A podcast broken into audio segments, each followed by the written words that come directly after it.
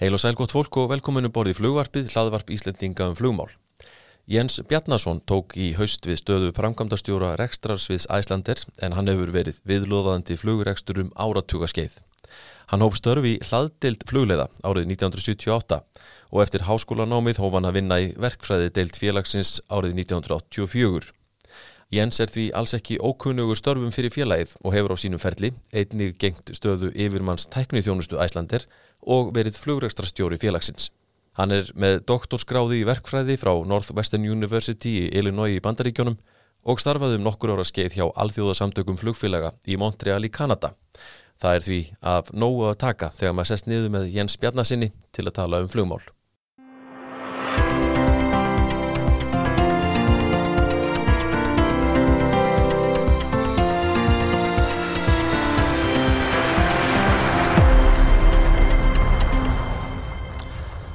Já, hann er góðin í flugvarpið, Jens Bjarnason, verður velkomin í þáttinn.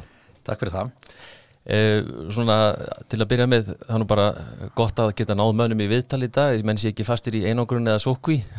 Þú, hérna, hvernig ertu búin að fara út úr þessu sjálfur, þessu COVID-fári? Jú, jú, bara, bara mjög vel held ég. Ég hérna hef ekkert vext sjálfur og, og hérna fáir í kringum mig mm. og einnig reyndar jólaháttíðin í, í sótkví en, en það gæti verið verra þannig að ég kvart ekki neitt.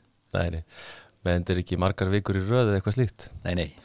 En hérna, þú ert nýbyntekin við stöðu framkvæmdastjóra Rekstrarsviðs Æslander, getur aðeins svona útskipt fyrir okkur hvaða, hvað, hverslas verkefni er á þessu sviði? Já, e, e, þetta er ansi viðfemt og, og við reynum að kannski segja að öll þessi flugöryggis e, reglugerð og allt sem hún tekur til, það er, heyrir undir þetta svið og þá er framkvæmt flugsins viðhald flugvila uh, stöðvarekstur líka uh, hlæðisla og annað og reyndar, reyndar hérna innan hús líka þar að sé einritun og allt sem kemur að, að rekstur inn í flugstöðinni.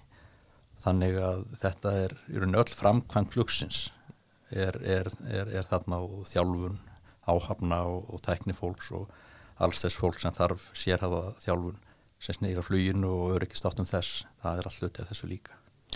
Þannig þetta er hansi Er þetta stærsta sviðið innan fyrirtækinsins eða? Já, það er langfjölmennasta. Fjölmennasta? Já, langfjölmennasta. Hvað eru margi starfsmenn handundir? Já, það, já við, það er nú síbreytilegt. Mm. Það, svona, það er yfir 80% af starfsmönnum er á þessu sviði og það er náttúrulega muna mikið um áhafnirnar, flugvirkjana, allt fólkið í, í flugstöðin í Keflavík til dæmis. Þetta eru stórir hópar, þannig að þetta telur. Já. Og þú ert nú ekki alveg ókunnugur þessum, þessum, þessum starfi fyrir félagið að, að margu leiti en, en sko Þú gengtir svona svipari stöður, er það ekki fyrir eh, nokkrum árum síðan? Jújú, jú, ég, ég náttúrulega, ég og, og þetta félagum langar sögu mm. og, og hérna, og ég held að séu, hérna, þessi ekki 43 ár síðan ég hóf störf hér í fyrsta skipti, 44 næstum. Þá var ég bara hungur strákur með flugdellu og, og hérna var svo heppin að fá vinnu í hladeldin á Reykjavík flugdelli og síðan svona vatt þetta upp á sig og hérna svo leið sem ég fór í gegnum þetta var svona, ég ætlaði að vera eins og margt ungt fólk með flugáhuga, að læra flug og svona byrjaði á því okay. og en þetta var nú svona veikumætti maður svona nörlaði einhverjum öðrum saman í sumavinnu og mentaskóla árunum og það voru örfáðu flugtímar sem náðust á hösti og, og svona en, en, en mjög gaman og, og hérna svo gerist það svona sennilega á þriði ári í mentaskóla ég far að hafa svona áhuga á náminu, það er nokkið syndið mikið fram að því. Og langaði kannski að læra eitthvað svona tengt tekni og vísindum og verkfræði. Og var þá svo heppin að komast í samband við íslenskan profesor í bandaríkjónum sem aðstóða mig við að, að fá styrk til náms í flugvelverkfræði í Ameríku. Og það var náttúrulega einsta tækifæri og þannig að, að draumurinn og flugmarstarfið hann var svona laðað til hliðar og, og hérna ég held mig bara í, í háskólanum og, og hérna og svo heppin að fá að gera það á, á, á þessu áhuga sviði mínu sem er flugið og hef nú meira meiri viðlóðandi þetta flug síðan. Já, og, og þú fóst sko, þú ferði inn í verkvæði dildina 84 Já, ég byrja, ég er frá 84 og, og hérna og er þannig sinna einsum verkefnum þar e, breytingum og viðgerðum á flugvílunum þá vorum við með fokkar F27, gamla fokkar eins og kallaðan 727 velar og DC-8 vélar og þetta voru vélar sem að voru svona aðeins farnar að eldast og kom upp í misvandamál, sprungur og tæringar og, og margt mjög krefjandi og, og skemmtilegt fyrir ungar mann að takast á við. Man lærði líka mikið að vinna með flugverkjónum, þeir þekktu þetta svona kannski frá öðru sjónarhóttni og ég held við höfum svona stutt hvora aðra í þessu og, og allavega geysilega lærdomsvíkur og skemmtilegu tími.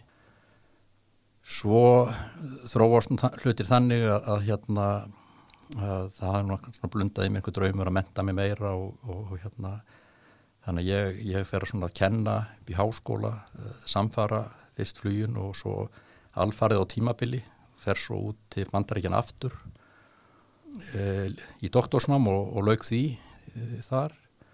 Þá svona var ég komið svolítið, lutin tekið svolítið aðra stefnu, meðal annars vegna þeirra rannsúna sem ég var í, í tengt náminu og, og, og í rauninni var þetta svona að fara að nálgast meira stærðfræði heldur en verkfræði, komið svolítið fjarr í fluginu og hérna, en einhver síðu bara mjög skemmtilegt og, og hérna, og gaman að hafa gert þetta og kem svo heim og er dósend í, í verkfræði við, við háskólan í nokkur ár en fann þá að, að, að það var ekki kannski, ég var kannski ekki alveg réttir í hillu flugið, tókaði alltaf í mig Já.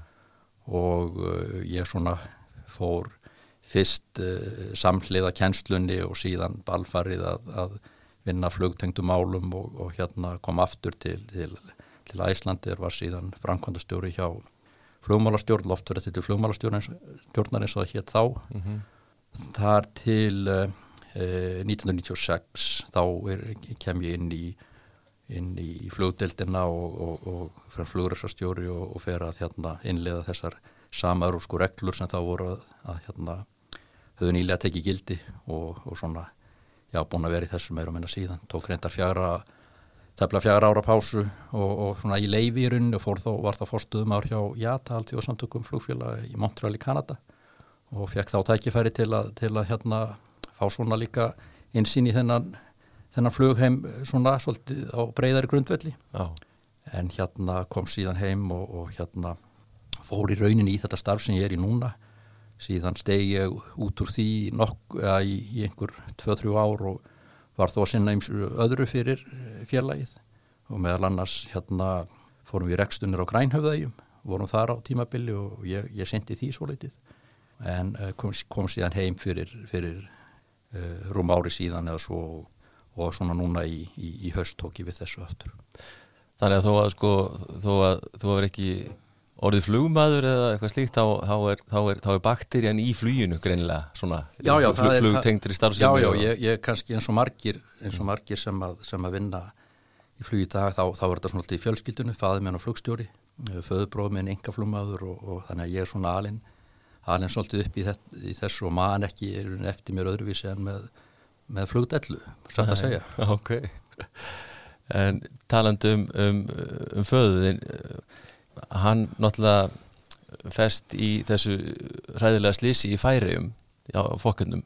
Jújú, það er rétt að það var 1970 og, og hérna þá þetta bara Manstu eftir þessum já, tíma? Já, já, já, já, já, ég var, var að vera tíu ára gama Já, já og þetta er bara svo það er náttúrulega lífi breytist svolítið við það en, en, en, en áhugin á fluginu breytist ekkert og svona þegar maður lítur í dag tilbaka og, og svona sér, sér þetta kannski í öðru samhengi heldur maður að gerði þá að þá í rauninni finnst manni satt að segja alveg ótrúlega hvað þetta flug okkar gekk vel, þetta innanlandsflug og, og flug í færium og grænlandi við ótrúlega erfiðar aðstæður í, í því tilvekki þegar að fokkurinn fest hann í færium þá voru menni mjög slæmum veður skiljurðum með, með eitt ADF að gera aðflug í mjög vondu veður þetta var óhugsandi í dag, algjörlega óhugsandi. Þannig að hérna, já já, svona er það. Já. þannig að sem betur fer þá er okkur hérna miða fram á veg. En það er ekki svo langt síðan að, að menn voru að, að hérna kljúa hér við ótrúlega frumlegar aðstæður. Emitt Það er rosalega breyting í emitt þessum tekni málum öllum sem að tengjast. Heldur, heldur betur. Já, til eins betra eins og segir en sko rætunaðinnar hvar elur mannin á, á svona þínum, þínum æsku árum? Já, sko ég, ég er nú hérna jújúborun á barþáttu hér í Reykjavík og, og hérna alveg upp í svona fjölskylduhúsi hérna í hlýðunum þar sem að amma mín reyði ríkjum og, og, og hérna tveir senir hennar og fjölskyldu þeirra bygguð þarna saman öll og hérna alltaf bara frábær, frábært umkörfi til að alast upp í og ég rætu mínar þar sem móður megin likja Norður landi á laugum í Þingæðisíslu þar sem ég eitti sumurum hérna hjá afa mínum og ömmu. Þannig að hérna að svona, já, þetta er svona bakgrunin föðurættin er, er hérna er hér úr bænum uh, mentamenn og embætismenn hér og, og svona en, en, en móðurættin öllu Norðurlandinu. Já. Eh, þú, þú nefndir áðan hérna, verkfræðina og, og, og eins og þú segir, þú ert með doktorsgráði í verkfræði. Eh, hver er svona sérhæfingin? já, já þetta, þetta var nú svona svolítið sérstætt allt sko. Ég, ég, hérna, nei, þetta var mjög eh, svona gaman og fólk spyrir mig sko, byrja eftir hvað nota þetta og, og það má örglega hérna færa góð og gildur auk fyrir því að, að þetta hafi kannski svona verið svolítið hliðarspor og maður ekki verið að undirbúa sér mikið fyrir, fyrir framtíðina með þessu en, en, satt, en, en sko í hreinskilin sagt þá, þá er þetta er í afskaplega, það var lærdomsríkur tími og, og, og þetta er svolítið þannig í, í svona námi að, að þú far bara á hvað verkefni sem enginn hefur lest áður og þú bara sest niður og ferða vinn í því og ég eitti þremur árum í þetta og, og gekk ágætlega tókst svona að ljúka því sem að lagt var upp með. Og þetta kennir manni hérna svona ákveðin vinnubröð, þetta kennir manni eða kendi mér svona sjálfsaga og maður þarf svona og skipulagningu og, og svona það er líka bara, bara eitt og sér bara gefandi að, að setja sér einhver, einhver hálit markmið og náðum þannig að ég vil nú meina að óbeint sé ég að nota þetta alla daga. Já, þó, þó, þó að hérna ég sé nú og er reyðgæður í fræðunum ég, ég er með tvö eindök að doktorsutgerinu minni inn á skrifstofu heima upp í hillu og maður opnar þetta stundum en ég skil askarbla lítið af því sem stendur hann í dag Já, það er svo leiðis Já, það fennir yfir þetta. En, en hvert var verkefnið? Já, verkefnið var hérna, það var í rauninni að, að, að rannsaka bylgjútbreyslu hérna neðansjáamannvirkja það er sem sagt oljuborpallar og, og jafnvel sko ekki, já eins og hérna þessuna skip og, og, og kavbátar þess að svona burðarvirki sem að, sem að hérna e, eru í, í sjó eða vatni og, og eins og, eins og allt, allt svona sem er með einhverju einhverjum mótor eða einhverjum þá, þá, þá eru hérna er svona sveplur eða vibration mm -hmm. og verkefni var í rauninni að rannsaka bylgiútbreyslu út frá, út frá slíkum fyrirbreyðum og þetta, þetta er svona jú, jú, ákveðin svona eh, kemi í þessum eh, geira, svona kallast structural acoustics á, á, á ennsku og, og hérna er mjög hérna, já, svona nokkuð mikið fræðasvið en, en þetta er voðalega fræðilegt og eins og ég segi, þetta, þetta tróðast, ég held að þegar ég varði mína doktorsritjarð uh, eh, þarna í Chicago 1989 og það voru svona einhver þrýr uh, menn sem, sem voru svona að líða mér yfir og reyna og þetta, þá voru þetta í rauninni bara tveir starfræðingar því að þetta var komið út í eitthvað svo leiði sko. Já, já. Já, svolítið fjarlagt í rauninni verkfræðinni og, og, og flugin og því öllu saman. Nei, nei, en, en þetta bara, ég er mjög ánægðar að hafa, hafa gert þetta. Þó að lífið og, og starfsvettankunn hafi kannski ekki, ekki hérna farið það, þessa leiðina. Nei, ekki, ekki beint tengt þessu. Nei, nei, nei. En svo segir það er öll mentur nýtist á einhvern máta já, segja menn allavega. Uh, hérna, en aðeins það þessum störfum þínum í dag uh, á, á rekstrarsviði Æslandir uh, hver eru nú helstu verkefnin bara í dag? Já, það, það er nú, nú íms að taka þar.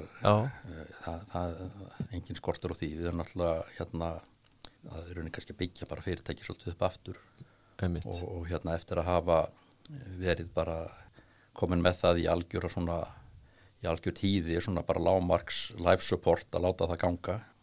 Þar sem vélarnar hafa staðið eh, fólk eh, þurft að, að, að hverfa vettmóngi vegna þess að það voru bara ekki verkefni fyrir það og annars líkt nú erum við að sjá fram á það þetta er að breytast og þá þarf að vanda sig að byggja þetta upp aftur.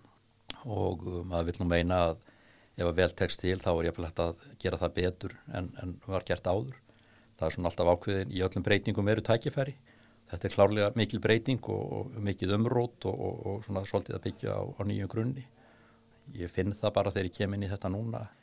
Mér finnst, uh, mér finnst ég betur undir þetta búin, kannski með meiri reynslu. Mér finnst fólkið í kringum mig mjög gott og afskaplega runni bara frábært fólk sem var stendur mann í þessu og svo, svo náttúrulega er ég líka uh, sem sagt í framkvæmda stjórn félagsins það sem að hérna sem er mjög öflug og síðast en ekki síst að fá tækifæri til að vinna fyrir boga sem er einstakum aður afskaplega mikið jafnaða geð og, og, hérna, og hérna flottur náingi á allan hátt þannig að þetta er bara mjög skemmtilegt og í rauninni sko hérna kannski bara skemmtilegra heldur en okkur sinni fyrr Já skemmtilegt að heyra og sko það, það er verið að eins og nefnir byggja þetta upp að þar á meðal ráða mikið af fólki jú, jú. inn aftur já, jú.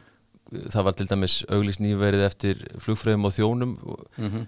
er, er félagið að fá mikið af umsóknum? Já, já, það, það hefur alltaf, alltaf verið það. Við, eigum, við hérna, eigum ennþá talsvört af, af frábæri fólki sem að, sem að þurfti að hætta bara út af verkefnastöðu sem að við, við munum auðvitað takk inn fyrst. En, en var eins og sömari lítur út að þá hérna þá ljósta við þurfum til þess að nýra á það margar, margar flugfröður og flugþjóna sem er bara hérna bara auðvitað sínir hvað þetta hefur unni gengið vel og, og ef við hérna sko, skoðum aðeins þurfum ekki að fara langt aftur þegar að fyrirtæki fór hérna á, á markað og kynnti fjárfærstum áallanir og, og hérna sem hafa síðan aðeins verið uppfærðar að, að þá svona voru vorum við að rekna með umsum sumarið 2022 sem var kannski millir 50 og 60% af því sem var mest, mest var fyrir COVID en reyndin er svo að þetta verður millir 85, yfir 85% þannig að menn eru, eru hérna eru miklum sóknarhug. Já, það er frábært. Hvað er til dæmis bara svona sem dæmi líka fyrir fólk sem er að hlusta hvað er, ert að sjá fyrir þér svona sirka til dæmis margar flugfrægur starfandi fyrir félagið í sumar?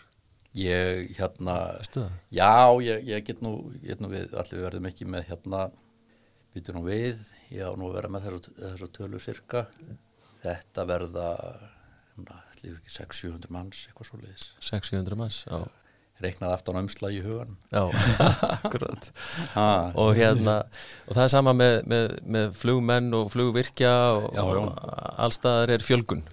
Já, já, það er fjölgun, það er endar, við erum ekki hérna, það er sannlega eitthvað í það við, við hérna þurfum á öllum þeim flugmönnum sem voru múin að þjálfa að halda aftur það, en það, það mun gerast og, og, og fyrir en, en marga grunar Og, og, og mannstu eitthvað svipaðan fjölda eins og fyrir flugmenn fyrir, fyrir sem að verði þína? Já, ég held að það sé, þetta er nú, þetta er nú allt einhver númur á starfsvölduslista eins eins og þú veist nú, allir sé ekki maður 420, 30 eitthvað svo leiðis. Eitthvað svo leiðis, já. já. Vinnir það. Já, en þetta var náttúrulega mest komið hátt í 600 þegar að... Jú, jú, jú, jú, það er alveg rétt. Fyrir, fyrir faraldur. Já, já, já, já. þannig að það, það er hérna, það er ennþá svolítið eftir en, en, en hérna miða við, miða við þann hug sem er í, er í fólki og, og, og það sem menn lesa svona í, í markaðina þá, þá vonandi þurfa, þurfum við og, og þetta fólk ekki að býða lengi þar til að þetta verður komið allt í, allt í vinnu og allt var, all hjólfarn að snúast aftur. Mm En hvernig svona bara þessar vikurnar gengur að, að hérna sinna þessu flugi sem að þó er verið að sinna manna, allt sem þarf að manna og svona? Já, þetta er, sko, núna reyndar, þetta er svolítið sérsta, sko, núna eru við hérna, það var reyndar, við uh, erum að gangi gegnum hérna, þetta ómikrón veiru afbríði sem að ímist teiknir reyndar lofti að, að hérna fari nú að dvína, ég held að það verði þannig. En það er hérna við vorum auðvitað með talsvöldflug eins og alltaf er kringum hátíðarnar þá var bara fólk að detta mikið út í sótkví og, og það var bara mjög erfitt að manna flug en við náðum að gera það. Ég held að það verið tvísa sinnum sem að sem við gátum ekki flói bara hennilega út af því að við höfum ekki áhafnir. Núna hins vegar er staðan aðeins önnur það er, það er, þetta er svona dauðast í tími ársins og það er á ekki ertu með þessa veir og, og svona kannski ekki þann ferðavilja sem að annars væri.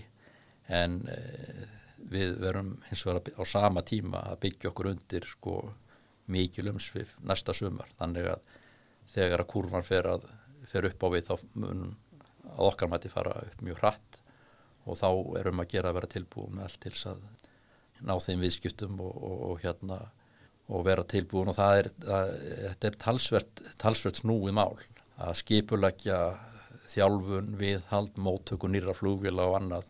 Það þurfa ótrúlega margir þættir að ganga í takt til að þetta ganga upp og, og með þetta fólk sem ég sé er að sinna þessu núna, ég er svona fylgist bara með þessu svona aðeins og fjarlæð að, að þá hérna þá er þetta afskaplega vel og vel gert og fagmannlega þessu staði. Þannig að ég, ég heyri það að þú, það er svona, einmitt eins og segir, það er sóknar hugur og, og, og svona bjart síni frekar en, frekar en ekki á, á svona næstu mánuði svona, og, misseri svona. Svona, svona alveg í, í, í næsta tíma svona sjörtum þá er þetta, er og verður þungt, mm -hmm. það er bara hreinlega, það er bara hérna, eru fái farþegar og dýrt að halda upp í flugi með, með, með, með fáa farþegar, sérstaklega Amerikufluginu sem er, sem er dýrt. Þannig að það verður eigið úr umsum og er verið að því núna í nær tíma en, en uh, þegar hortið lengra frá veginn þá, þá er, eru teljum vera mikil takkifæri Já. Það er alltaf spennandi tímar einhvern veginn Það er einhvern veginn þannig. Erðu en hérna svona aðeins í, í sko flótamálin hjá félaginu, það Já. var nú ekkert fyrir löngu síðan sem kom tilkynning núna svona í tengslum við framtíðar flótafélagsins mm -hmm sem að bóji eh, búið að tala um nokkur sinnum að svona séu væntingar um að koma einhver svona niðurstað úr stefnumótun að vinnu já, og, og slíkt. Já, núna var svona tilkynning um að eh, raunni þessi floti sem er í dag hann er svona það sem menn sjá í farvatninu allavega í byli næstu, næstu fimm árin eða svo. Og, og, og hérna það er svona nokkur atriði sem að, sem að valda held í því að, að þetta er niðurstaðan. Einn er bara hreinlega svo að þessar nýju maksvílar eru, eru bara geysilega hakkfamar og, og, og koma vel út og, og ná að gera miklu meira og sinna starri hluta leiðakerfi sem seldur en að reikna var með þegar, að, þegar það eru keftar hérna fyrir 2012 það auðvitað hérna er bara frábært og hérna styrkir ykkur í því að, að, að halda áfram á sömu braut og vöxturinn húnna, næstu árin mun líklega þá vera fyrst og fremst með, með þeim vélum. 57 vélarnar, 77 vélarnar þeim, þeim fer fækandi e, það er svona það er rétt um helmingur á því sem var þegar mest var og það er munur fljúa eitthvað en, en svona síðustu vélarnar í, í leiðakerfinu munur sannlega kannski 2025-2026 við reiknum með þá að vera með 767 vélarnar áfram meðal annars út af afbörða getu að flytja frækt ferskan fisk og já aðra frækt en síðan er, kemur að því að, að, að hérna eftir nokkur ár að þá svona myndast ákveðin gluggi ákveði tækifæri þar sem að, sem er möguleiki hvort sem það verður breyting eða ekki að fara kannski einhver aðrar flugulategundir og þá svona kannski sér maður fyrir sér að fyrirtæki verði komið á það í þá starða að þetta verða veruleg viðskipti og hugsanlega einhver svona stór pakki sem að býðst sem að hérna hvort sem það er Airbus-vélar eða einhverjar aðrar nýja tegundur að Boeing, við vitum það ekki alveg oh. það er alveg ljóst samt að, að svona að Airbus er að gera mjög áhugaverða hluti 321 LR og XLR vélar sínist okkur í dag munu henda okkar leiðakerfi mjög vel bæði varandi flugdrægi og stærð og, og hérna eitthvað sem við munum klárlega fylgjast náðu með. Það líka er að sína sig að, að, að, sko, að aukningin á hafinu uh, flutningarnir eru að fara meira úr breyþótum yfir í minni vélar þar sem við erum höfum verið það er bara einfallega vegna þess að þessa nýja vélur eru svo, eru svo góð og, og hérna geta svo margt sem að var ekki hægt að gera áður Einmitt. fljúa frá meginlandi Európu til bandaríkina, er, nú er það bara gert í, hérna og, og hérna sem var, var ekki hægt bara fyrir að fá um árum Þarf ekki að lenda á Íslandi lengur til þess að nei, halda áfram? Nei, nei, og í því fælst bæði tækifæri og kannski einhver, einhver svona smá fyrir okkur líka, við þurfum mm -hmm. þetta hérna aftur okkur á því. Þannig ég, ég held að, að okkar tækifæri, hérna sóknartækifæri er þá kannski að, já, halda áfram á sömu braud, vera með ekki kannski breyþótur en, en svona minni vélar og fjölga brottförum, auka tíðinni, fjölga böngunum í Keflavík til að jafna álægið og, og búa til fleiri tengimöguleika. Og, og það er svona líki tækifærið fyrst og fremst. Og menn ætla að hafa búið tilkynna núna um tvær í viðbútt af 737 þannig að þær verða 14 næsta sömur 14 næsta sömur og, og hérna, já, já Og hvað er það svona í samanbörðum við til dæmis sko 57 og 67 á móti, er, þá svipaður fjöldi þeirra já, líka? Já, þetta verður svona nokkurt veginn, já. já, ég held að verði sko í leiðakerfunu sjálfu þar að segja farþegarflutningunum held ég verði sko 15 að hérna 757 og og svo 14, þannig að þetta verður eiginlega bara til jafs. Þannig er svona skuldpunturinn, svo mun, mun mögsunum vantilega fjölga og, og, og hitt trappast niður, Já. en nú vorum við akkurat svona á meðri leið í þessu, Já. í þessum skiptum.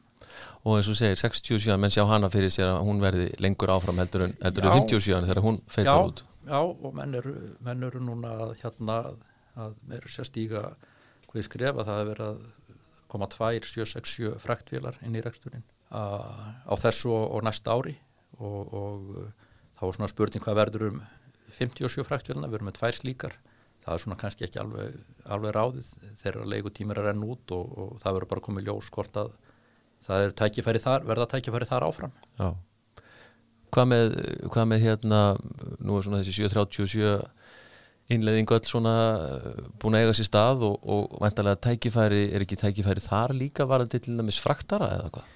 Jú, jú, það, það er það vissulega. Maður sér alveg möguleikja að reyka til með 7-800 fraktvélar eh, samhliða hérna maksinum. Það er alveg, alveg raunhafi möguleiki og það er líka tækifæri víðar.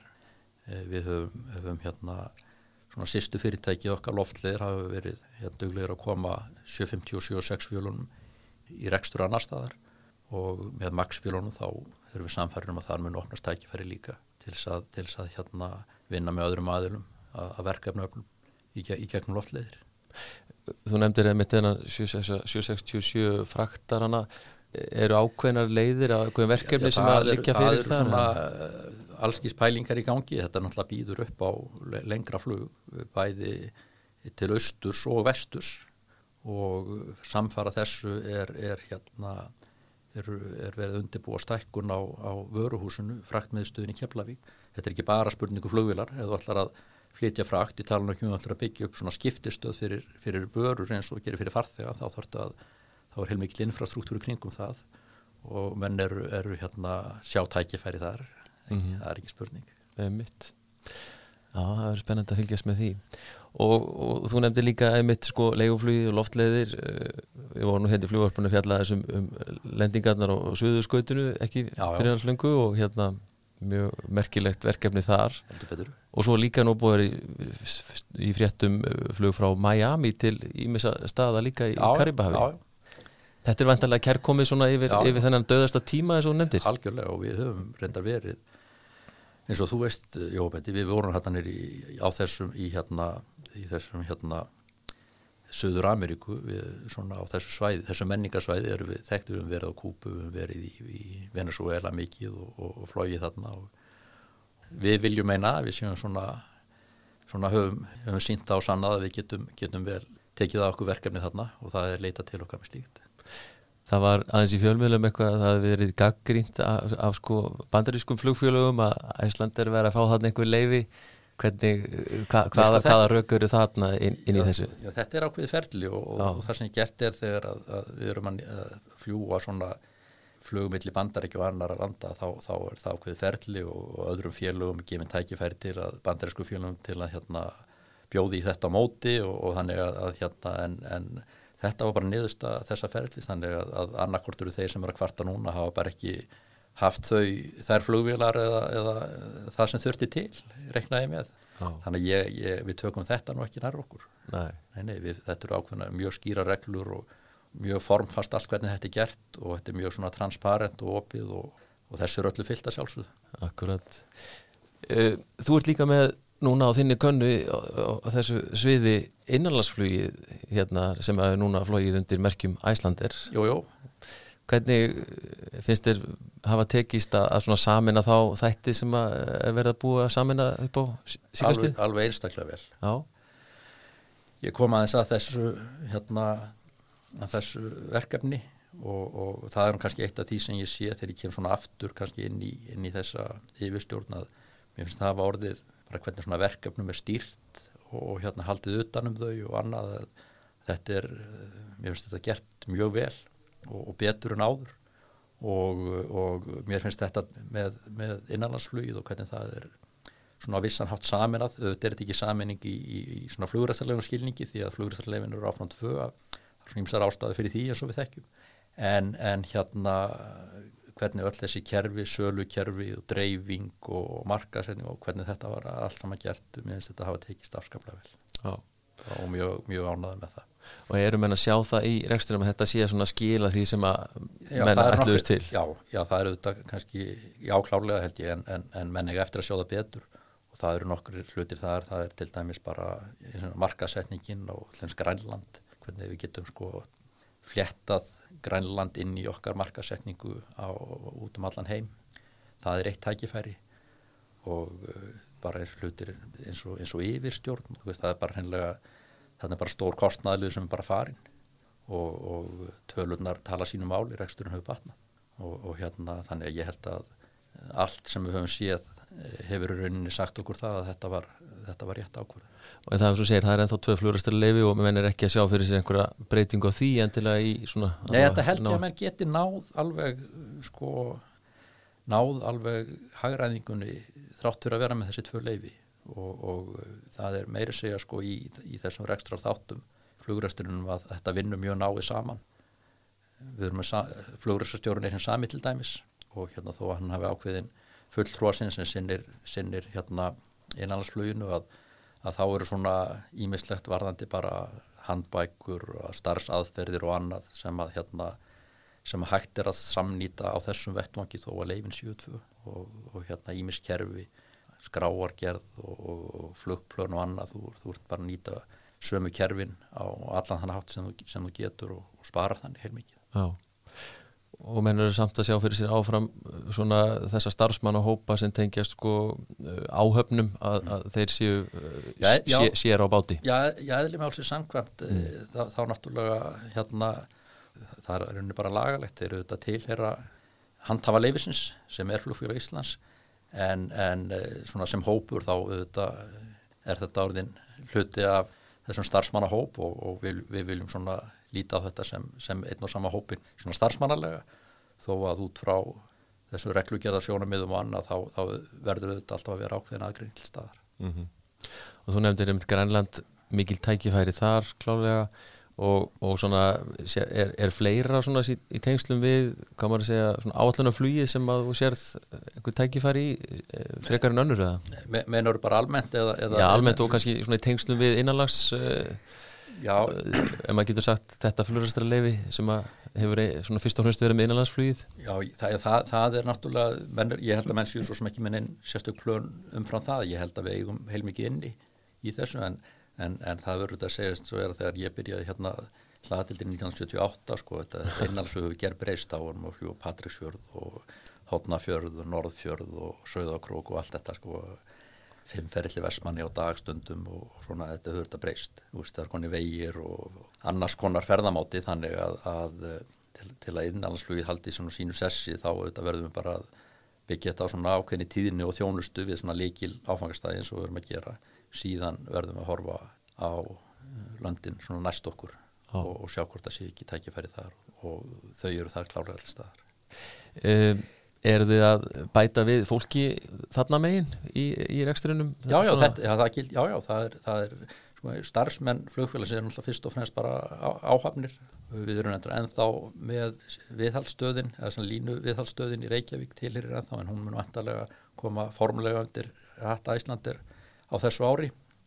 En, en hérna það er sama sagan og með flugmannahópin þar, þar eru við að kalla fólk til starfa aftur og, og meiri sig að getur við hérna orðið fyrri til að fá alla í vinnu þeim megin, sýnist það ekki dórunhæft. Einmitt.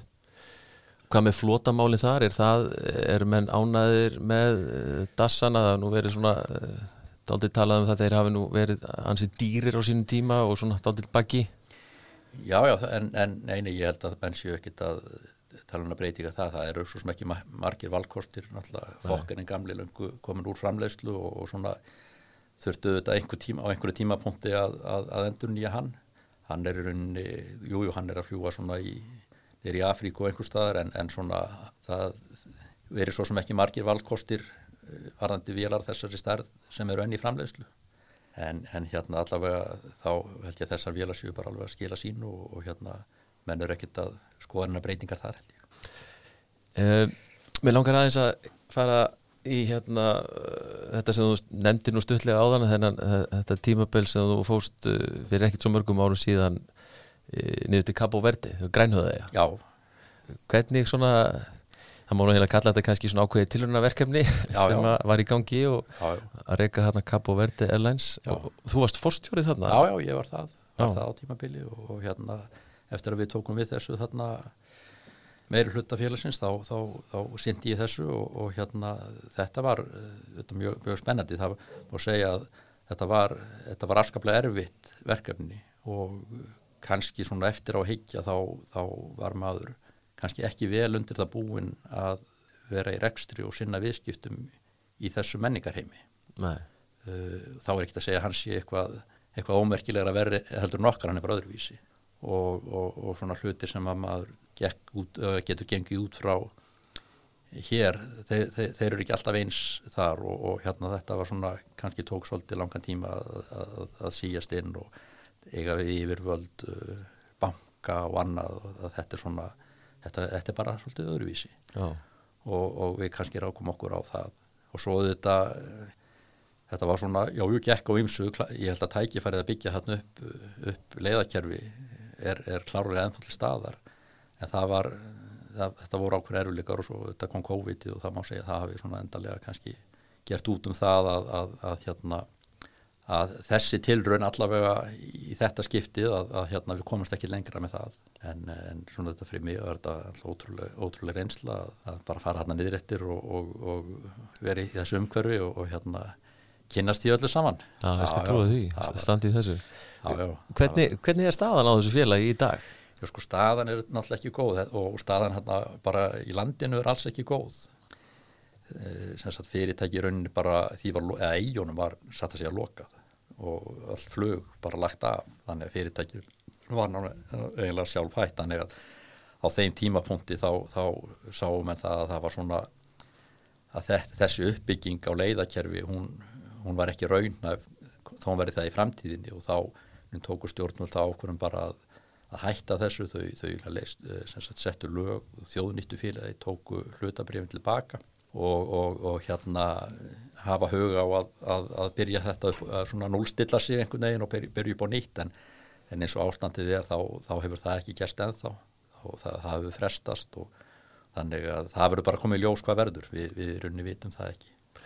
Hefur þú trú á því að þetta eigi sér einhverja viðræstan vonhanna? Sko það Já, já, ég minna þetta er auðvitað, það verður auðvitað þannig að flug, þetta er eiga sem þarf að halda upp í samgöngum og, og, og það verður ekki gert öðruvísi en með flugi en hvort að menn hérna vilja gera aðra, aðra allu að því að, að koma upp svona skiptistöð og, og leiðakerfi eins og við gerum hér, það verður, það verður tímin að leiði ljós. Mm. Uh, við sáum það alveg þegar komst hún ákveðin stöðuleiki áallununa að, að þá, þá fór þetta að vaksa og tekjurnar að hækka. Það, það þarf ákveðna þólin mæði í þetta og, þetta auðvitað vita þeir en það þarf ansi mikið áttak það þarf hérna klárlega mikið fjármagn og, og meira fjármagn svo að, að heimamenn geti gert þetta á, á eigin spýtur og þessu auðvitað fylgir talsverð áhætta. Svo er það bara menna með þetta en, en á móti ef að til tekst þá getur geysileg svona efnhagsleg eh, uppsöfla sem að fylgir svona Já. þannig að, að þetta verða bara þeirra veg og metta En er, er, er aðkoma Æslander grúp eitthvað að þessu í, í dag? Eða? Nei, nei, nei, nei, við erum rauninni bara, við, við náttúrulega erum ekki eigandur hann lengur og, og uh, það er rauninni bara búið. Já. Já, já. já. Og það er bara eins og það er. E, það er líka, eins og ég segja, þessum langa ferliðinum, það er svona, það er ansi mörg að taka. Og hérna, mér langar líka þess að fórundast um eh, tíma hjá IATA Já. Hvernig kemur það til að þú fórst að vinna þar? Sko, það, það, það kom þannig til að, að, hérna, að það var bara ringt í mig. Frakki ringdi frá Singapúr og var, var hérna starfsmáður fyrirtæki sem heitir Spencer Stewart eitthvað, var svona alltjólegt ráðningafyrirtæki og það var sagt að voru að vera hérna leita manni í, í þetta starf og hvort ég hef einhvern áhuga á því og ég þurfti nú að þess að hugsa mig um og hérna og svona rætti það við mína nánustu og, og, og mína yfirmenn og, og svona, jújú, jú, ég sagðist alveg niðurstaðan var svo að ég var alveg tilbúin að, að hérna skoða það og svo fer hann eitthvað ferli í gang og tekur eitthvað einhvern tíma, maður fer í einhver viðtöl og próf og eitthvað svona svo gengur og hérna nema það, mér er búið starfið og jújú, jú, fluttið það nút og hérna þá er rauninni tekið við starfi sem hefur svona forstuð Director Operations sem að var í rauninni að hafa yfir eða svona umsjón með eh, starfi jata á vegum flugreksturs og teknireksturs svona svolítið svipa og ég er að gera í dag bara inn í, inn í fyrirtækin.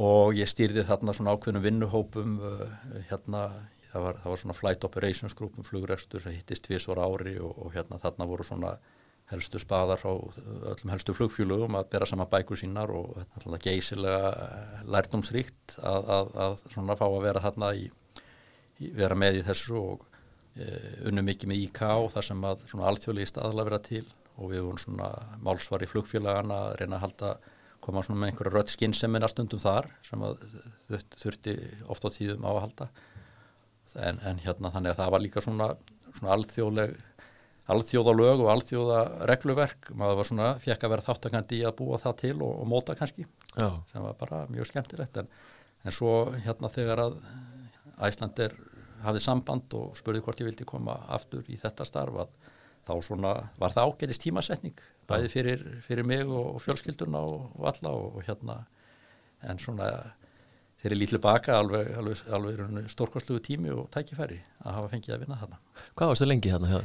tæp fjögur ár Og með fjölskylduna þá í Montreal bara eða var, Nei, ég var nú svona ég var nú svona svolítið jójó á milli sko. já, já. það var nú svona Það er nú svolítið álag svolítið Já, já, já, það var það, það, það svona, enda, enda lítu við ekkit á þetta sem eitt varanlegt sko. og, og eins og ég segi þegar að svona og ég var alltaf í góðu sambandi við mína yfirmenn á Æslandir og svona svo þegar að svona þetta starflostnaði og, og leita á allir mín með það þá bara stökki á það og sé ekkit eftir því. Ég, þú vantilega fengið sko töluverða insýn inn í svona bara flugregstur út um allan heim í þessu? Já, það, það var mjög vissulega og, og þarna kynntist maður mönnum og, og sem maður góði vinið maður sem þetta í dag hérna menn í svona aðstu stöðum hjá þessu stóru flugfélugum en þó verði ég að segja að við erum að gera hlutina alveg nokkuð vel hér og í rauninni kannski og auðvitað var ég í, alltaf í, í sambandi við okkar fólk hérna heima að senda þeim gögn og, og benda þeim og hvað þeir var að segja og spá og, svona, og bjóða þeim að koma með á þess að fundi líka svona, að, að þegar upp að staði þá held ég að, að, að hérna, eh, við höfum bara komið mjög vel út í þeim samanbyrði og eins sko, voru við hérna á þessum tíma alltaf þá fórum við, þegar ég var hérna hjá Jata þá vorum við svona teimi sem fóru á milli, milli hérna e, flugfjöla og svona gera úttækt á ímsu var hann tengt svona elsneitis, eðslu og sparnaði, hvað var ekkert að gera. Og ég notaði tækifærið og þeir kom hingat lísnans líka og þeir sögðu bara þetta væri nú svona bara í, bara voru þá einmitt múnir að nýkomnir frá tveimur sko mjög stórum fyrirtækjum sko og, og svo komið hinga að þetta væri, þetta væri bara mjög fyrirmyndar hér. Þannig að hérna, það var mjög gaman að því. Ísland og Íslendingar er náttúrulega mikil flug þjóð er, þetta jú, er jú. svo stór bransi hérna hjá okkur. Já, já, og það eru þetta Mikið af fólki og mikið af sérþekkingu til Já, já, það er náttúrulega bæði lega landsins og svo náttúrulega búum við því að það voru hérna hérna í árdaga flugsins afskaplega stórhuga menn og, og hérna sem að hérna byggðu hér upp flugrækstur og með því skapast þekking og, og hérna svona ákveðin kultúr og andi. Mm -hmm. og, og hérna ég held að við eigum þeim verðum afskaplega mikið að þakka. Og manni finnst líka sko við mittum út að tala um þessu það sem hefur verið að vinna hætti í Montreal, svona alþjóðlegum stopnunum setja lög og reglur og, og svona sem varða þetta umhverfi. Mm. auðvitað Íslendingar eiga sína fullrúa þarna. Já, já, og, og við, já, já það, það er alveg rétt kom einhver þarna inn svona eftir þér eða veistu það? Nei, nei, en, en sko það eru hérna, það eru, sko Íslandikar hafa verið, tekið líka þátt í, í starfi íká þar er, er hérna emitt Íslandikur Þorma og Þormásson mm -hmm. sem að starfa þar og, og, og hérna svona kannski, já og hérna stendur sér mjög vel og heldur upp í nafni okkar þjóðar þar og svo eru Íslandika líka með, hefur svona verið annars lagið sæti í í þessu IK Council eða, eða, eða, eða Navigation Commission það er svona einhverja stöðu sem að rótir á milli Norðalanda þjóðana þannig að við höfum tækifæri til að svona reglulegu millibili að koma þar inn líka og, og hafa áhrif. Einmitt. Og nú er Æslandir að fara að fljúa aftur þánga til Montreal. Já, já, það er bara mjög, mjög gaman að því. Er ekki eitthvað sem að... Þú, mín gamla heimaborg. Já, jú, já, jú, eitthvað sem þú, þú mynd kannski nýta þér eins og fleiri. Held, heldur betur, Já, ekki spurning. en það margar hérna eins og við farið yfir svona alþjóðlega stofnanir og Já, já, það voru svona alþjóðlega borg. já, hún er bara frönsk. Það er franska og já, já. Jú, Já, já, svolítið óvenjulegt, óvenjulega borg, að ymsu leiti. já, já, já, akkurat. Um, mér langar að hérna fara aðeins í, í annan að, aðra deild uh, svona á þessum áratugum sem þú er búin að starfa í þessu flugi, þú er búin að taka þátt í ansi mörgum kjarasamningum á íslensku vinnumarkaði trúi ég. Og, og þá ekki síst svona við þessar F-stjettir sem kallaðar eru flugmenn, flugfreyjur, flugurkja og þetta þeir nú oftar en ekki í fréttinnar svona þegar þannig ber undir. Hvernig svona þú horfir yfir, yfir sviðið í því, hvernig finnst þér svona samskiptin hafa, hafa verið í gegnum tíðina heldina bara mjög góð og, og hérna, en, en, en ef ég skoða þetta, ég kem inn í þetta svona 96 hérna þegar ég kem, kem uh, frá flugmálastjórn og þá fljótlega fara þessi samningar vera og það hefur svo sem ímislegt breyst og náttúrulega líka átt á því þá er svona frekar ungur og, og, og díla hérna, eða sem, ég hérna við, við svona eldri og reyndari menn og, og svona þetta, mér fannst þetta svolítið erfitt. En, en svona, svo hefur maður bara einhvern veginn kynst þessu og núna með árónum þróast þetta í það að, að hérna maður lítur svona á þessa samningsaðila bara, ég er ekki hérna sem anstæðinga, heldur bara menn sem þurfa að leysa ákveði verkefni og, og setjast niður og, og, svona í stóru myndinni með sameiginlega hagsmunni, þetta þarf að alltaf útkljá einhver, einhver, einhver meiningamun. En, en hérna ég held að það hafi nú bara í heldina gengið ákveðlega og bara já mjög í rauninni bara bara mörguleiti skemmtilegt að sérstaklega þegar maður sér svona að hérna næri einhverjum, einhverjum árangri og allir, allir standa upp sáttir sem, sem betur fyrir en nú, nú langkongingast. Já, menn yfirleitt, yfirleitt fá sér, sér veflum með rjóma á eftir og, og, og hérna. Já, já, það hafa aldrei held ég bara komið upp neyn mál þar sem að, jú, jú, þetta mann geta þurft að, að hækka rómin við samlingaborðið og, og hérna jú, jú. það er svo sem ég, ég kannski ekki sæklust að því heldur en, en hérna aldrei bóri neitt skugga á samskipti við, við þessa félaga mína Nei, nei. En menn, það er svo segir, menn eru nátt í ákveðnum hlutverkum og eru með ákveð verkefni að leysa eins og segir. Það er bara að verða það og, já. Já, já. Finnst þér þetta að hafa sko, breyst einhvað svona til hins betra eða verra eða Já, mér finnst, mér finnst sko hérna að, svona í setni tíð þetta tengist í þetta að við erum í svo gerbreyttu umhverfi 1978 þegar ég byrja að vinna hjá flugluðum það, það er í rauninni kannski ekki samkefni það er bara, það er bara okkar félagar að fljúa hérna, núna sjáum við að, að, að nú er það miklu sínilegra að þetta er bara baráta þú verður að standa því, þú verður að vera samkefnishæfur og mér finnst í setni tíð sko, fórstu menn okkar við sem þetta ja. þeir hafa ekki, þeir hafa bara mikið og gott kynbrað á þetta. Ofta á tíðum sko er að fylgjast með þessum hlutum jafnvel eða betur en maður sjálfur. Ja og, og, og þetta, er, þetta er svona hefur farið miklu meira í það að vera bara samtal jafningja að finna að, að ræða stöðuna og, og hérna finna einhverja leið. Frekar heldur en að rýfast hérna með, með einhverja mikla kröfur og eitthvað órunhæft á móti og eitthvað svona skilur Þa, mm -hmm. það, er, það er einlega svolítið búið. Og þetta er náttúrulega einmitt eins og þú segir, eiliða verkefni að finna sko finna einhverja leiðir af því að sko samkeppnin sem að er náttúrulega nattræn og hún, já, já. hún, hún það er alls konar lög og reglur í heimaríkjum þeirra sem við erum að keppa við og vinnumarkaðurinn svona alls konar. Algjörlega. Þetta er, er ekkit einfalt mál mér, mér, mér finnst sko og, og, og flugmenn sérstaklega þetta er, þetta er, og, hérna, þetta er svona yfirlegt og ég kynntist ín og ég réð nú marga flugmenn í gegnum árin Já, ég þakka þið fyrir það eins að ráða mig. Að, að hérna þá svona að þá svona hérna þetta er allskins allskins svona próf sem lögðu fyrir menn og menn þetta er svona svolítið pakki að gangi gegnum að sækja um og þannig að maður mhm. fær svona e, vil ég meina þokkalega skýra mynd af, af, af viðkomandi og upp til hópa er þetta sko fólk sem er alveg langt yfir meðaltali bara í greind og, og, og getu.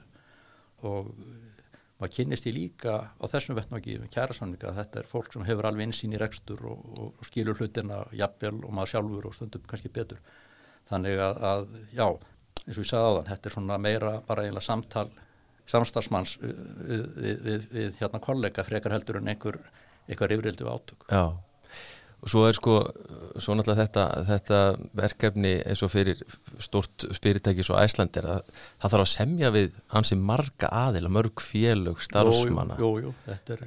Er þetta eitthvað svona sem að... Þetta er, hefur oft verið, verið bent á og, og, og hérna, sko vest er það náttúrulega sko þegar einhver hópur sko, þú veist, með félagsmenn fjöldi sem teljand og fingrum annar handar sko, hafa, en ég held að þetta sé nú sko, hérna, eitthvað sem að fara nú að er að söguna til sko. Já, fara að þróast í já, ég held að, ég held að. stærri einingar. Já, já, og ég held bara líka að, að hérna, þú getur ekki til einhver bóðið, ekki bara fyrirtækinu heldur, samstagsfólkiðinu upp á einhverja óbylginni að nýta einhverja slíka stöðu sem verður til í einhverju mjög fámanum hópi til þess að setja allt hérna Alltaf hann að menta Nei, nei, nei.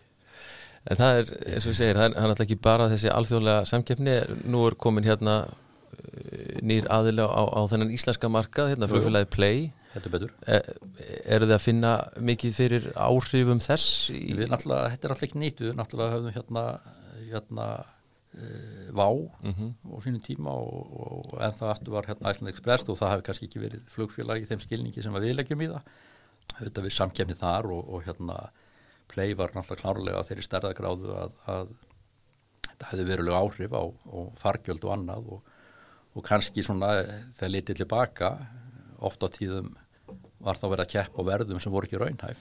Það bara verður að segjast eins og er. Og, og hérna manni sín Play fyrir nú svona varlega stafir. Alltaf að gera þetta bara svona yfirvegun og byggja þetta upp og hérna þannig að það er svo sem ekki mikið en þá en, en, en það verður þetta bara framtíðanlega í ljós hversu stórir þeir verða þessu markaði. Þeir, þeir ætla sér hluti, stóra hluti segja þeir og, og hérna við verðum, við verðum að sjálfsögðu fulla virðingu fyrir því en, en það á kannski svolítið eftir að koma í ljós. Eh, Þetta er eins og við erum búin að fara yfir sko orðið svolítið langur tími hjá þur í, í flugbransanum Já, 44 ár. 44 ár. Stóð það til hjá þér núra í, í haust að koma inn í þetta aftur þegar að, að þessari ráðningu kom?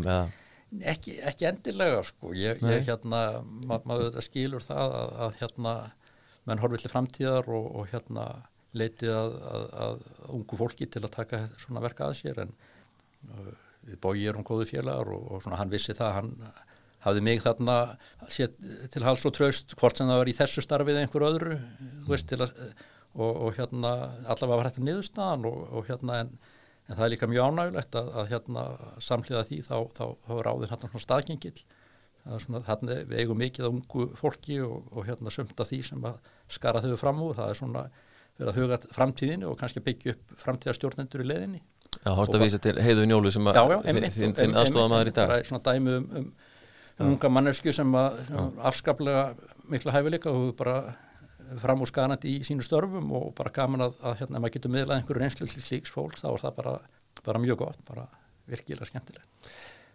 Ertu með einhver svona plön sjálfur um það, hvað, hvað þú svona dvelur lengi við, nei, við, við þetta nei, starf? Nei, alls, alls ekki og, og hérna, ég hef alltaf sagt og segja alltaf, ég menna á meðan að fyrir það ekki hefur þörf fyrir mig þá sinn ég þeim verkefnum sem ég beðin um og mun gera áfram ég finnst það afskaplega gaman að því sem ég er að gera og kannski aldrei eins gaman að því og núna og, og hérna þannig að en, en uh, maður veit aldrei ég hérna, maður kom á sjötus aldur og, og hérna margir fannir að huga því að, að hérna svona minga við sig og hætta að vinna og svoleiðis en, en hérna það er, ég veit ekki sko. Það kemur bara ljós ég hef alltaf gaman að því að gera í dag Og er þetta ekki hansi mikil vinna? Ekki? Þó er það þannig að að svona með reynslunni þá svona tekum maður kannski hluti ekki eins mikið enn á sig og áður og maður svona, maður svona hefur lært að, að hérna kannski meira jafnvægi heldur maður var þegar maður var yngri og svo líka er ég með afbúrað fólk með mér Haug Flögrasastjóra Leif Guðmundsson Guðmund Ólarsson sem stýrir öllu þannig Keflavík og, og þetta fólk og, og heiðu njólu sem er svona til, a, til að vinna þetta með mér sem ég hafði ekki áður sko. Þannig að þetta, allt gerir þetta mitt starf léttara. Þannig að hérna jú, ég veit mörg hvernig að líta á allt það og þannig vil maður líka hafa það. En þetta er ekkert hérna og það læka þannig í lífunu sko, reynslan hjálpar þér alltaf Já, tekur hlutin öðruvísi. Þú eru gengið gegnum þetta allt áður. Já. Ertu með, hef, hefur tíma fyrir einhver, einhver áhuga mál og hobby í, í, í, í tengslum við er þetta allt saman? fjölskyldan gaf mér nú golfsettir, ég var 60 í, í fyrra sko. Já, og ég er nú svona hérna það er aldrei að vita nema maður var að reyna eitthvað fyrir sér í því. Já, ok. Það er þetta ekki búið að við að setja það að Jó, ég er nú svona aðeins, ég er nú fara á námskið og svona. Já, ok. Já, já, ég hef reyndar alltaf hérna, vinnan hefur alltaf verið svona stór hluti af mínu lífi og ég er líka bara svo heppin að vinna við hluti sem ég brennandi áhuga á og finnst skemmtilegt. Mm Nei, nei, en, en hérna maður sinnir öðru líka. Þú nefndir hérna í upphæðu sko um að tala saman að þú tókst uh, nokkra flugtíma í, Já, já, hérna, já, já, áður fyrr. það. Er það eitthvað sem að kýtlar að Ég veit ekki maður Ég reynda, já, ég tók að flug Sigurvin Einarsson hennar flugstjóri var, kendi mér sko, það var þá hérna þeir voru þarna þetta flugtæk í gamla daga sko, það voru þarna mikli kappar eins og Alli Unsteinsson að stíga sín fyrstu skref sem flugkennari, ungur maður og, og hérna þetta var svona og margir þarna sem að kynnti sko sem að eru flugstjóri hjá okkur í dag sko. En, en svona ég fór aðra leið eins og ég sagði og hérna hvort maður svona dustar ríkið af logbókin og fer eitthvað, ég veit að Ég segi það, já. já, nú síður vona á því. Já, akkurat. Það er allavega nóga fólki í kringu sem getur allavega búið þér í flugtúr. Já, já, já, En hérna, svona ef þú horfir yfir, yfir þennan, þennan langa feril hjá Æsland er kannski sérstaklega sko, er, er einhver tími frekar en annar það sem er svona skemmtilegast í tímin já, það er kannski tvent það, það er sko annars vegar hérna gömlu góðu dagarnir í hladildir innanlands frábær tími. Og, og, og, og þar voru vaktafélagar mínir sömur sko sem eru flugstjóra hérna í dag og þetta var svona mjög skemmtilegt og sérstakt eh, hérna samfélag þarna innan- innanlands það var afskaplega skemmtilegt. Og svo líka bara hérna í dag ég, eins og ég sagði á þeim þá svona hef ég afskaplega gaman að því sem ég er að gera núna og, og hérna fyrirtækið mjög flott eins og það er sett upp í dag mikið af góðu fólki hann í kringum hann. Þannig að hérna já, að sé ekki bara upphafið og endinni þannig sko. Já, já. að tala um það sem er skemmtilegast. Allt, allt samt skemmtilegt. Allt skemmtilegt, já, já. Það er eh, rétt, rétt að viðhorfið í þessu. En hérna, það er nú föstu dagur þegar við sitjum hér að taka upp í, í fjölmjöla turni Dóttor fútból hvernig er, er eitthvað, eitthvað plan um helgina hjá þér? Uh, já, það er nú sko það er nú framkvæmdastjóra fundur í fyrramálið Á laugati? Já, já, það er þannig að hérna morgunin fer í það þannig að maður, maður verður að taka þér rólega í kvöld og vera, vera, vera hérna vel upplæður Já, já, já. Nei, nei, að maður nú nota nú helgarna bara svona til að aðeins að hérna eða einhvern tíma með fjölskyldinni og slaka á. Já. er bara, Þannig að það er svona upplegið eftir, Það- eftir fundin já, já, það, það er ekkit þannig sem stendur, en það hefur náttúrulega bara verið þannig að í þessu COVID þá er náttúrulega ýmsir hluti sem að kannski þú veist, það hefði gert áður uh, hérna, farið til útlanda eða ferðast innanlands eða, eða gert eitthvað. Hérna, sýsti minn býr í mývasveitinni og, og hérna, maður svona gerir miklu minna en áður sko að heimsækja fólk og taka sér til sem því miður sko. Já, algjörlega. En, hérna, en, en það fyrir vonandi að breytast. Já, skulum vona það. Þetta er hundleðilegt að maður veigri sig við að Já, nána, nánast að já. kíkja í kaffi sko. Það er þannig. Það er virkilega. En uh, hérna, ég held að við bara setjum hér punktinn við þetta Jens, takk kærlega fyrir að Já, takk koma fyrir, og, takk og fyrir, takk fyrir spjalla við okkur. Já, takk, takk sömuleiðis, bara gaman að því. Svo ætlum ég bara að minna hlustendur á að láta nú vinn og vandamenn, frendur og frængur vita af flugvarpinu og, og það er hér ímislegt áhugavert efni og viðtöl sem að hægt er að, að nálgast og margt áhugavert á döfinni á næstunni. En þessu loki núna, þar til næst, góða stundir